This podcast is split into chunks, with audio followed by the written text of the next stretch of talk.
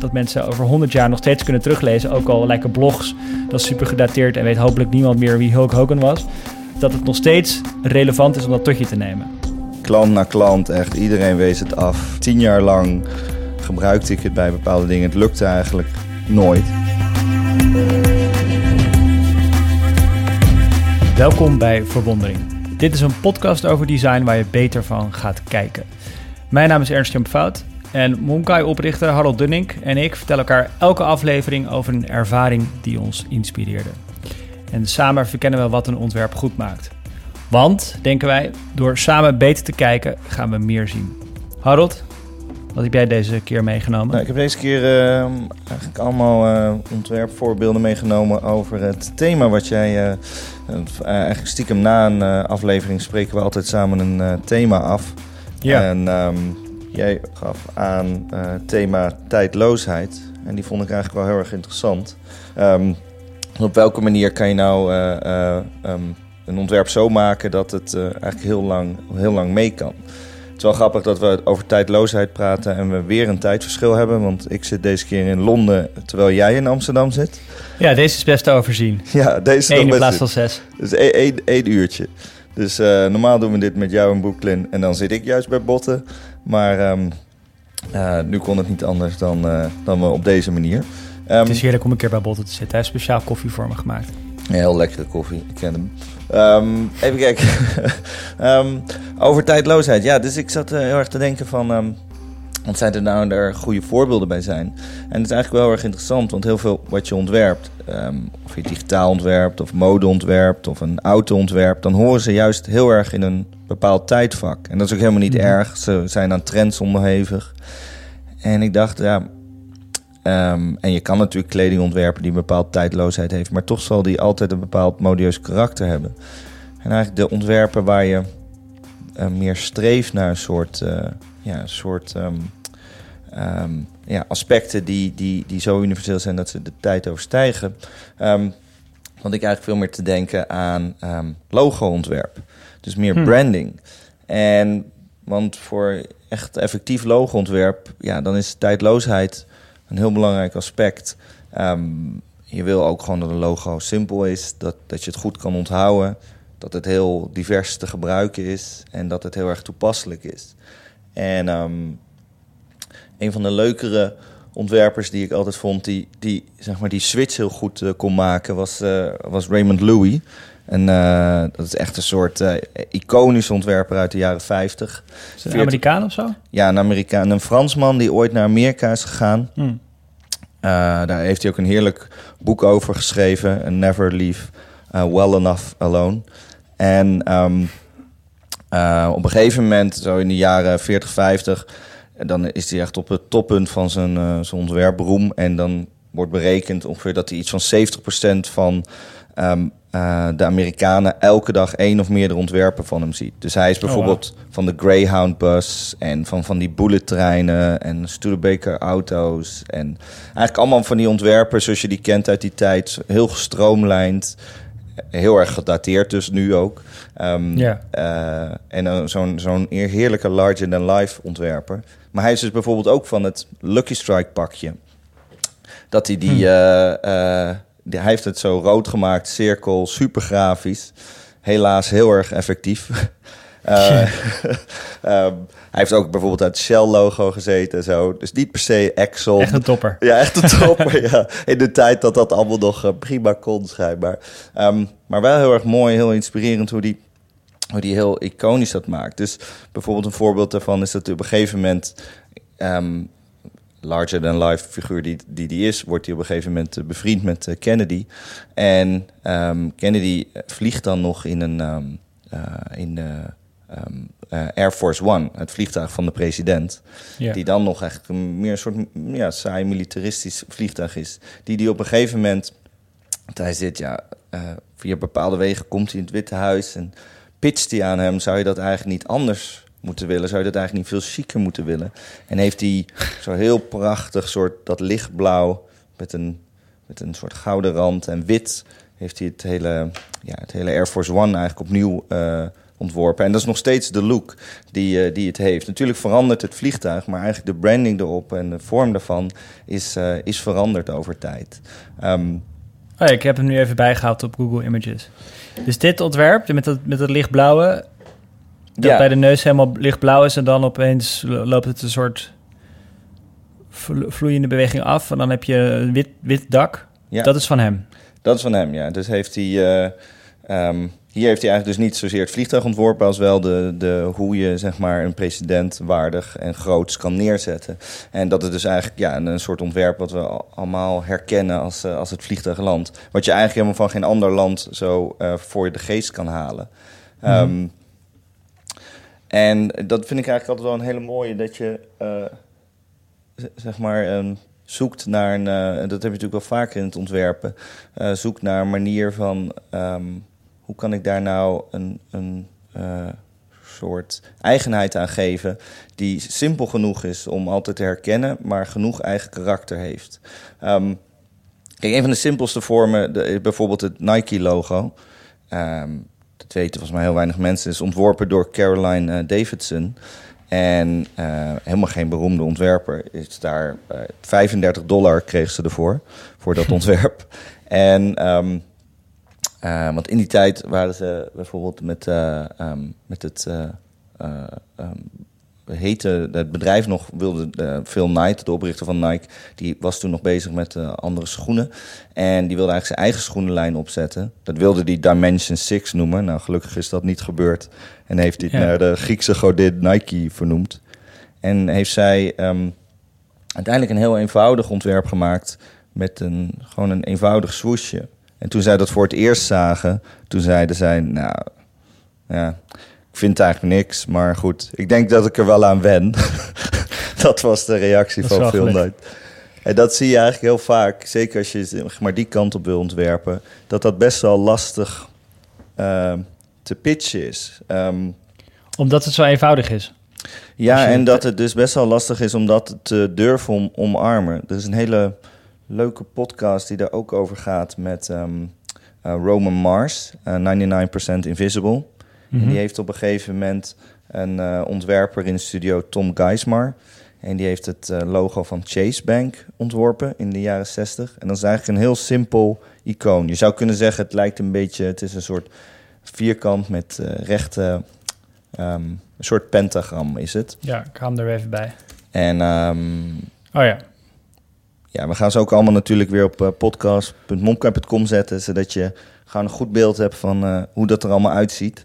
Um, dan hoeven jullie niet te googlen, dat doen wij dan lekker voor je. En dan kan je daar alle ontwerpen zien. Um, en die had het ook heel erg. Dus uh, zij wilde een nieuw logo. Ze hadden echt een vreselijk logo met alles erin. Het was Bank of America en een soort Manhattan uh, Chase Bank die samen gingen. Nou, het logo was eerst volgens mij iets van Amerika met een vlag en alles bij elkaar. Um, en hij is eigenlijk gewoon naar een hele eenvoudige vorm gegaan. Die hij, heeft, hij, hij geeft daar eigenlijk drie, drie waarden aan mee. Dat het, het moet gewoon goed passen voor de partij waar het voor is de klant of, of hun, hun business. Um, dat het heel erg opvalt, dat het heel makkelijk te herkennen is en dat het heel flexibel is, dat je het over kan gebruiken. Dus bij hun is dat wel een grappig voorbeeld, want het is een, gewoon een soort pentagram, dus het past heel goed in een vierkantje, dus het past ook heel goed in apps. Nou ja, die uiteraard uh, 50 jaar geleden nog niet waren. Um, het is een hele leuke podcast, kan je luisteren bij uh, 99% Invisible.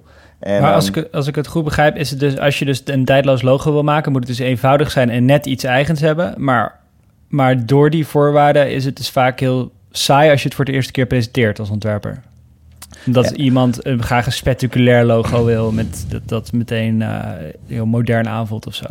Ja, ja, en ik denk ook dat het stiekem altijd iets is dat mensen toch het soort vertrouwde zoeken. En je, je, je ontwerpt iets nieuws, je wil echt een verschil maken. Dus um, je, je maakt het allereerste begin van tijdloos. Dus dat is best wel lastig te herkennen wanneer dat goed is. Dus ik heb het zelf heel vaak ervaren dat um, ik wilde heel graag um, zeg maar die eigenheid ook creëren door, door logos te maken gebaseerd op mijn eigen handschrift. Mm -hmm. En klant na klant, echt iedereen wees het af. Het lukte me nooit. Ik denk tien jaar lang uh, um, gebruikte ik het bepaalde, bij bepaalde dingen. Het lukte eigenlijk nooit. Ehm, maar ehm, nou ja, je hebt wel eens gezien hoe ik schrijf. Ik vind het heel erg leuk om te schrijven. Ja, het is vrij intimiderend om te zien. Sorry? Het is vrij intimiderend om te zien hoe jij schrijft. um, nou ik zie het eigenlijk altijd meer als van... Het is gewoon het is een soort... Um, ja, hoe zeg je dat? Een soort verloren kunst of zo. En ik vond het altijd heel erg logisch dat als ontwerper... dat je eigenlijk ook bezig bent met je handschrift. Het is namelijk het meest letterlijke van je ontwerp wat je kan doen. De lijn die je zet. En um, keer op keer werd dat eigenlijk afgewezen. En de eerste keer dat ik een uh, bedrijf zeg maar startte buiten Momkai... dat we... Um, uh, ook alle branding gingen doen. Dat was voor, voor Laudi een, uh, een kleine Bluetooth speaker die helaas niet meer er is. Maar daar, um, uh, daar kon ik dat eigenlijk voor het eerst uitproberen. Uh, om een veel klassieker, dus zeg maar logo te ontwerpen wat een klassieke connotatie had naar, naar jukeboxes en dingen die je van vroeger kent. Gecombineerd met dat het eigenlijk heel vrij en heel vriendelijk te gebruiken is, zowel op het product als online. En um, uh, en daar kon ineens niemand je soort tegenhouden, want je hebt zelf die eigen ruimte. En ik denk dat, nou ja, wij doen samen natuurlijk de correspondent. Mm -hmm. En daar zocht ik ook heel erg naar, naar uh, die soort tijdloosheid in het logo. Dus wel een soort klassiek logo te hebben, maar heel erg een logo te ontwerpen wat. Um, ja, die eigenheid die we zoeken bij de schrijvers. Dus in, in het geval van de correspondent is het natuurlijk zo dat mensen op hun. Um, uh, um, het subjectieve heel erg omarmen. En dat het juist heel erg gaat om de auteur. Dat zit heel erg in de naam. Um, maar dat zochten we ook heel erg in het logo. Dus vanuit de naam wilde ik heel erg dat persoonlijke hebben. En dat je dus dat persoonlijk ook heel erg ziet. Doordat we alle um, uh, auteurs hebben getekend. En dat we op die manier uh, mm -hmm. een, een, eigenheid creëren door ze allemaal met elkaar te verbinden, om ze in dezelfde tekenstijl bestaan. Ja, dank voor die kaaklijn die jij mijn tekening hebt meegegeven. Ja, ik denk dat jouw tekening de allereerste is volgens mij zelfs. Ja, dus, ja, met echt een kaak, de, die echt, daar droom ik elke, elke dag van. dat, ik, dat er steeds meer op gaat lijken, maar ja, steeds niet ja, geval, die, later. Dat is een hele, ja, je hebt een hele goede forse de blik daar ook. Um, ja. Clea Dieudonné heeft die getekend. Die, die, die werkte heel lang bij Momkai. Is nu freelance in Berlijn en, en tekent die nog. En um, daar zagen we die illustratie. waarschijnlijk van leven nu inmiddels. Sorry? De kansen van leven waarschijnlijk. Ik denk, ja, volgens mij ook. Dat is volgens mij, dat moet, moet bijna al haar inkomsten zijn. Ja. Um, er komen elke keer weer tekeningen bij. En bij het logo, ja, je zoekt ook een soort... Uh, je, je, zoekt die, die vertrouwdheid, denk ik, ook heel erg daarin. Van, um, dus ik wilde heel erg, zoals je de auteur volgt en met de persoonlijke pen in de verhalen, zo wilde ik ook dat je de ontwerper eigenlijk heel subtiel op de achtergrond volgt um, in um, uh, het ontwerp van het logo. Dus het is gebaseerd op mijn handschrift, maar wel hebben we natuurlijk heel erg opgestrakt om, uh, om het heel goed universeel te laten gebruiken en dat het goed erbij past en dat het heel flexibel is. Um, maar het liefst wel gewoon dat dit het logo is wat je gewoon voor jaren overal op kan gebruiken. En ja. Omdat het volgens mij ook, als je dat goed consequent doet, dan is dat ook een teken van vertrouwen. Dus we zoeken heel erg naar, oké, okay, als, je, als je je branding strak doet, en zeker binnen journalistiek is het natuurlijk heel belangrijk, dit is een betrouwbare bron waar het vandaan komt. Dus je ziet bijvoorbeeld New York Times of Washington Post, die logo's die veranderen helemaal niet. Die zijn nee. allemaal heel erg consequent hetzelfde. Um, de Guardian is eigenlijk tegenovergestelde van. Dat is een heel, heel betrouwbare krant natuurlijk. Die verandert het eigenlijk heel erg vaak. Um, ik vind dat zelf eigenlijk heel vaak eigenlijk helemaal niet zo interessant. Ik zou het veel mooier vinden als je gewoon dat klassieke vasthoudt. En op een, ge op een gegeven moment, want er zit altijd een periode, denk ik, in tijdloosheid, dat, dat je toch het gevoel hebt, oh, het is een beetje gedateerd. Ja, precies. Daar wil ik het zo ook nog over hebben. ja, en dan ja. op een gegeven moment kom je daar voorbij. Ik vind de NS of zo ook altijd een heel mooi voorbeeld. Uh, ontworpen door um, Gert Dunbar in de jaren 60. Het logo, wat we natuurlijk kennen als een, uh, ja, een hele mooie zigzag, die, die ook voor uh, buitenlanders direct herkenbaar is. Um, en waarbij ze heel bold gewoon die trein helemaal geel hebben gemaakt. Je kan nu bijna niet meer voorstellen dat dat, nee. dat, dat heel bijzonder was. Um, maar dus is altijd een periode dat die treinen voorbij hebben gereden... dat je dacht van, nou, het ziet er echt niet meer uit, daar moeten ze wat aan doen. Ja, toch? Ja, dat het ja. toch echt gedateerd was. Toen die treinen uitkwamen trouwens, waren alle machinisten die wouden er niet in rijden. Die vonden dat maar bananen. die hadden geen zin om in de hele gele treinen te rijden. Ehm, en nu is het gewoon heel iconisch. Het is gewoon zo horen onze treinen te zijn. Ja. Ehm, Maar, dan er ik- gaat dus een tijd komen dat wij met de correspondent denken van... ah, dat logo, dat kan echt niet meer. Het ziet er echt zo jaren nul uit. ja. En als we dan doorzetten, op een gegeven moment is het dan tijds, tijdloos. Zeker, ja. Ik, ik kan me voorstellen dat we inderdaad een keer die discussie hebben. En ik denk, nee, nee, laten we gewoon... Laten we mooi klassiek vasthouden. Ja. Denk maar aan kan je deze podcast uit het jaar 2018 laten horen. Ja, ik hoop het, ja. ja denk maar aan, aan Coca-Cola of zo, zeg maar. Dat je het zo... Oh, en dat is ook namelijk een heel sierlijk logo... wat eh, zijn, zijn eigenheid juist daarin heel erg eh, behoudt. Ja. Ehm, maar dan ben ik eigenlijk wel heel benieuwd, ja, welke, welke je hebt waarbij je Ja, dat niet heb- hebt. Ja, ik heb eerst, heb ik, ik, ik kom daar zo terug. Ik heb eerst, ehm wil ik het nog heel even hebben over het streven naar tijdloosheid. Want dat is natuurlijk eigenlijk ook al een beslissing. Mhm. Eh, dat je besluit het werk dat ik wil creëren, dat moet tijdloos zijn. Of dat moet, misschien nog bolder gezegd, een, een, een klassieker worden. Eh, dus ik wil het over een boek hebben. Ik heb het al eens in een andere podcast over dat boek gehad. Eh, maar ik wil het toch nog even bijhalen. Het is van een, eh, laat ik het eerst even over de auteur hebben. Die heet Ryan Holiday. ja. Sowieso een hele tijdloze naam. ja. Dat in elk decennium had hij, eh, had hij met die naam kunnen aankomen zetten. En die man die volg ik al een tijdje met interesse. Hij woont in, eh, op een ranch in Texas. En hij eh, is, heeft ooit carrière gemaakt in de marketing. Hij was op zijn 21ste marketingdirecteur van American Apparel. Toen dat nog cool was. Over tijdloosheid gesproken. En hij schrijft nu over media en zelfhulp. Dus hij wisselt mediaboeken af met zelfhulpboeken. En streeft altijd tijdloosheid na in zijn werk. Dus bijvoorbeeld zijn zelfhulpboeken gaan niet over de laatste onderzoeken uit de sociale psychologie. Zoals eh, andere mensen wel eens hun zelfhulpboeken gebruiken. Maar eh, gaat alleen maar over de filosofie van de Stoïcijnen. En dat, dat zijn, eh, nou, dat zijn toch al theorieën van een paar duizend jaar oud. Mhm. En die vertaalt hij dan naar, die probeert hij dan nu op de uitdaging die we in deze tijd hebben, probeert hij die weer toe te passen. Maar dat is niet het boek waar ik het over wil hebben, want ik wil het over zijn laatste boek hebben. Dat heeft hij eh, een halfjaartje geleden uitgebracht. Ik was op zijn boekpresentatie in New York. En hij had een prachtig verhaal in de schoot geworpen gekregen. De grootste mediarel van de afgelopen paar jaar. Eh, de hoofdrolspelers daarvan, die hadden zich allebei tot hem gewend met de vraag: wil jij dit verhaal vastleggen?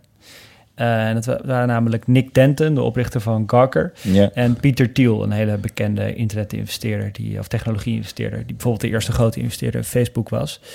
En ehm, Nick Denton had een blog, Gawker, en die in 2007, ik ga het even heel kort samenvatten, in 2007 maakte hij bekend op zijn blog dat Pieter Thiel eh, homo was. En dat vond Pieter Thiel verschrikkelijk, want eh, die wilde niet dat het bekend werd, dat vond hij privé. En vanaf dat moment heeft hij ehm, eigenlijk altijd afgewacht tot hij wraak kon nemen op Gawker. En die, die, die vorm van wraak kwam wel iets van zeven jaar later. In die tussentijd heeft hij altijd zijn ogen open gehouden, mensen ingehuurd om te kijken naar bepaalde mogelijkheden. En die, die, die kans op wraak kwam eh, zeven jaar later toen ehm Hulk Hogan daar een, een sekstape eh, daarvan verscheen op Gawker. En daar zagen ze, de advocaten van Pieter Thiel zagen een mogelijkheid daarin om Gawker eh, ja, te gronden te richten. Mhm. Lang verhaal kort, dat is gelukt. Eh, dat hebben we natuurlijk allemaal meegekregen. Eh, niemand wist dat Pieter Thiel daarachter zat toen Hulk Hogan met succes eh, iets van een eh, 110 miljoen dollar schadevergoeding kreeg. En op een jaar of een half jaar later bleek dat Pieter Thiel al die tijd de advocaten van Hulk Hogan betaald had en de hele juridische strategie had uitgezet. Dus hij heeft echt, nou wat is het, zeven acht jaar op wraak gewacht en die uiteindelijk gekregen. Dat, is een, dat was een enorme rel. Eh, er zaten, in die rel zaten een soort van drie shockmomenten. Eerst die sekstape, toen de, toen de eh, rechtszaak... en toen dat bleek dat Pieter Thiel erachter zat.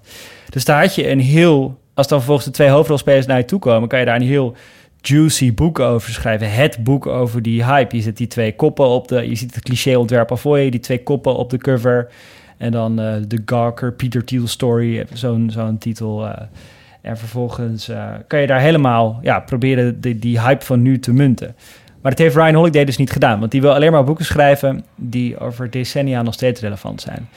Dus hij heeft het boek heel anders genoemd. Hij heeft het boek Conspiracy genoemd. Punt. Mhm. Dus een hele korte titel. En hij heeft het eigenlijk het verhaal van, van Gawker en, eh, eh, en Pieter Thiel gebruikt om uit te leggen wat de rol van samenzweringen in de geschiedenis is geweest. Dat die samenzweringen steeds minder gebruikt werden. En dat Pieter Thiel nu eigenlijk de samenzwering als, uh, als techniek uh, weer in, uh, in, in schwung heeft gebracht. En daar verwijst hij dus naar bronnen van duizenden jaren oud. En hij haalt allemaal epische, letterlijk epische verhalen erbij. En wat hij probeert te doen is eigenlijk dit verhaal ook zo'n episch verhaal te maken. Dus dat mensen over honderd jaar nog steeds kunnen teruglezen. Ook al lijken blogs dat is super gedateerd en weet hopelijk niemand meer wie Hulk Hogan was. Is dat het nog steeds relevant is om dat tot je te nemen. En ook het ontwerp van het, boek, van de, van het boek is heel, is heel tijdloos, op zijn Amerikaans, dat wel. Maar helemaal dus niet. Hij heeft dus heel erg de verleiding weerstaan van uh, het boek helemaal uh, in te richten op, uh, ja, op, op de hype die het was. Mm -hmm. dus als je door de boekhandel loopt, dan zie je niet meteen... oh, dat is het boek over die ene mediarel die ik, die, die ik een paar jaar geleden het nieuws voorbij zag komen. Dus het vergt heel veel lef. En... Um, nu is het heel fijn dat Ryan Holiday nogal meta is ingesteld. Dus hij heeft ook een boek geschreven dat iedereen kan lezen, Perennial Seller. Waarin hij praat over hoe je dit soort tijdloze uh, boeken kunt schrijven en wat voor technieken je daarbij kunt gebruiken.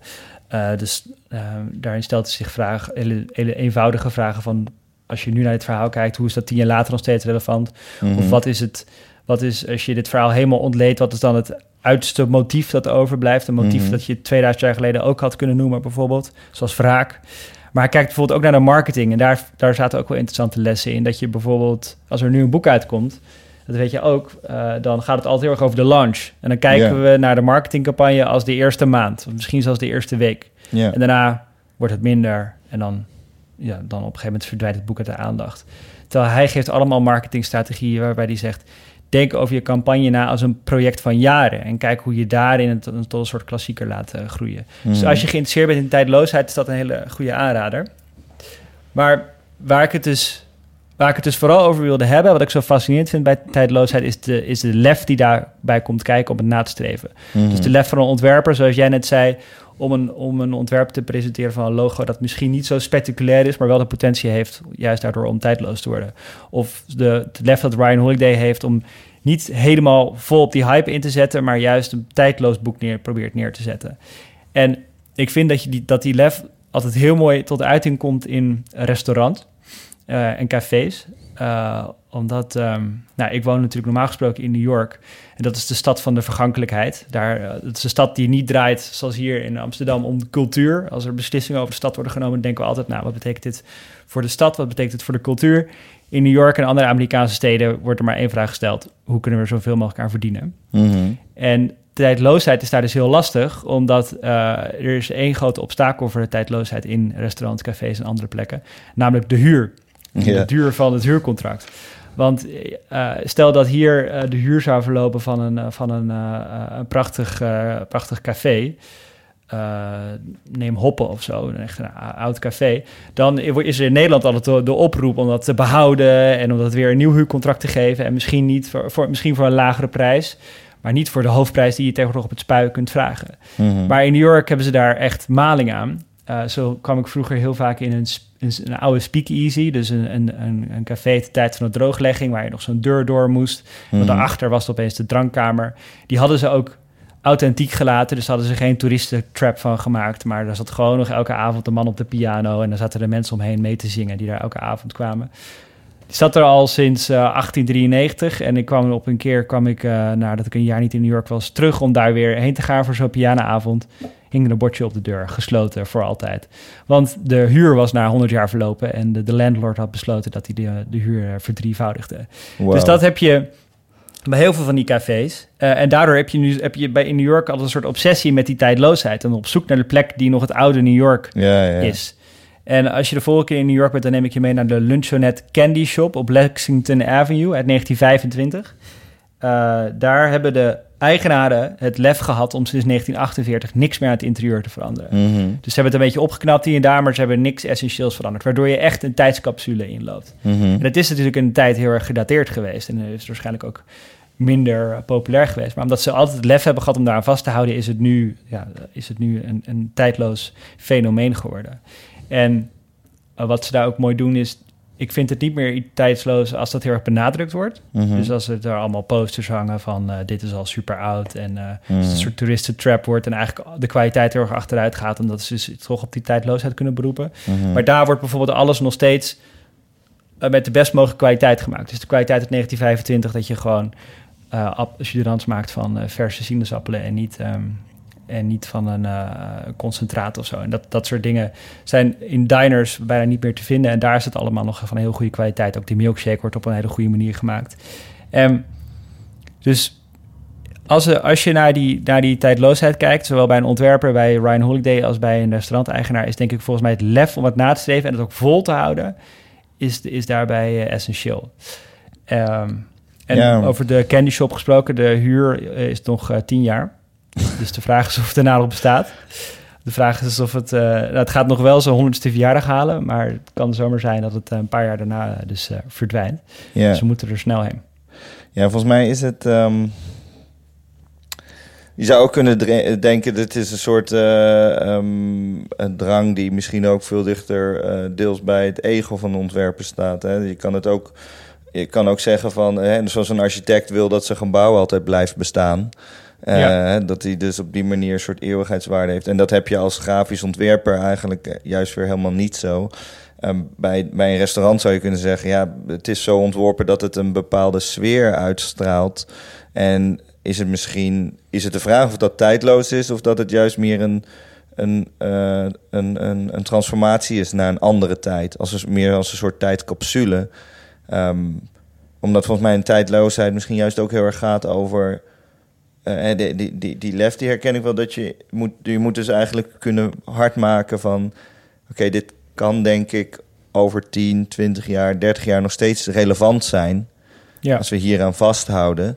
Um, als ik kijk naar uh, Conspiracy, die cover die, uh, die je net omschreef van Ryan Holiday met die driehoek. Ja, die is, die is zo elementair, zo simpel. En ook gewoon met zijn driehoek, zeg maar, die soort samenwerking daarin. Dat, die, uh, dat ik me die ook kan voorstellen over 10, 20, 30 jaar. Dat die nog steeds mm. werkt.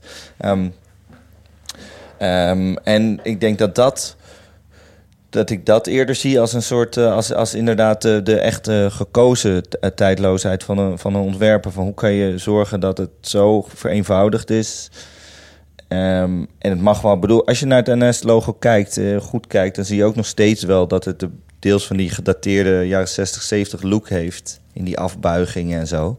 Um, Um, maar in zijn totaalontwerp en ook in hoe de elementen en mensen gebruiken het natuurlijk anders. Er zit nu ook in apps en er zijn goede adaptaties op gemaakt. Maar dat is ook juist omdat het in de kern goed is uh, ontworpen. En daar zit wel heel erg in wat je net ook omschreef met Ryan Holiday.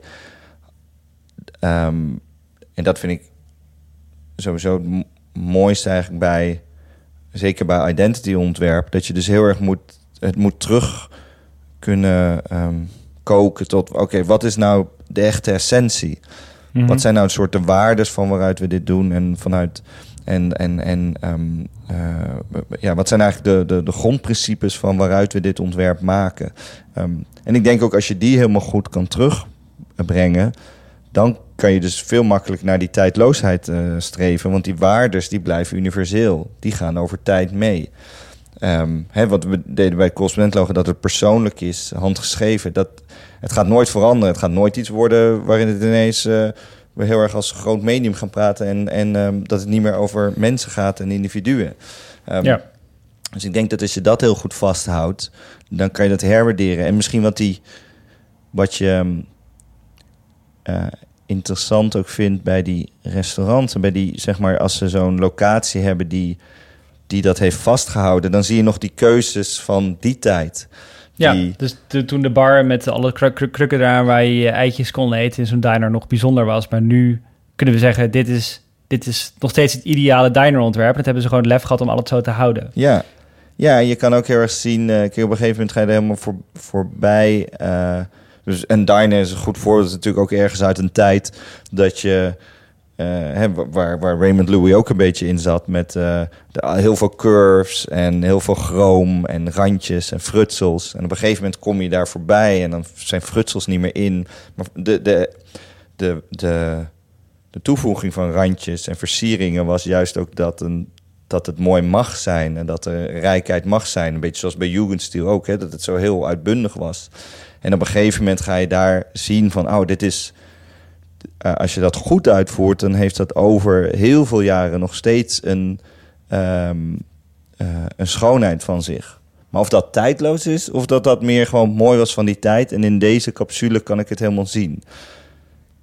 Dat, Ja. dat is meer. Ja, dat is wel misschien wel een goed onderscheid, ja. Ehm, Hoewel het ook wel vaak te maken heeft met...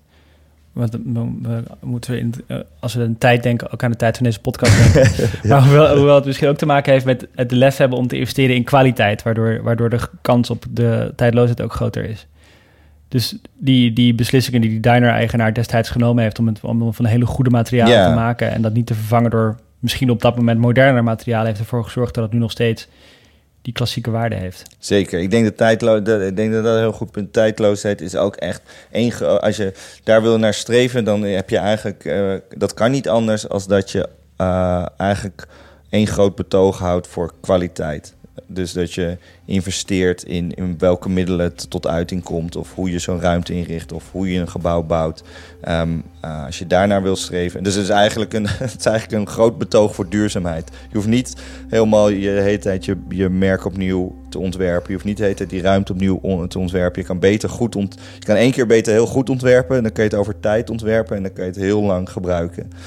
In plaats van dat je de hele tijd je opnieuw uitvindt en eigenlijk allemaal een soort wegwerpontwerp maakt. Ja, inderdaad. Nou, dat is een goede conclusie. ja, het is een hele. Ja.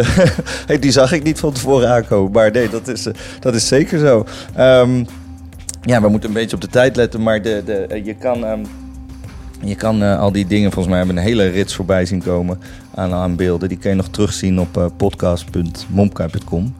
En ik ben eigenlijk heel benieuwd wat we gaan verzinnen voor een volgende aflevering.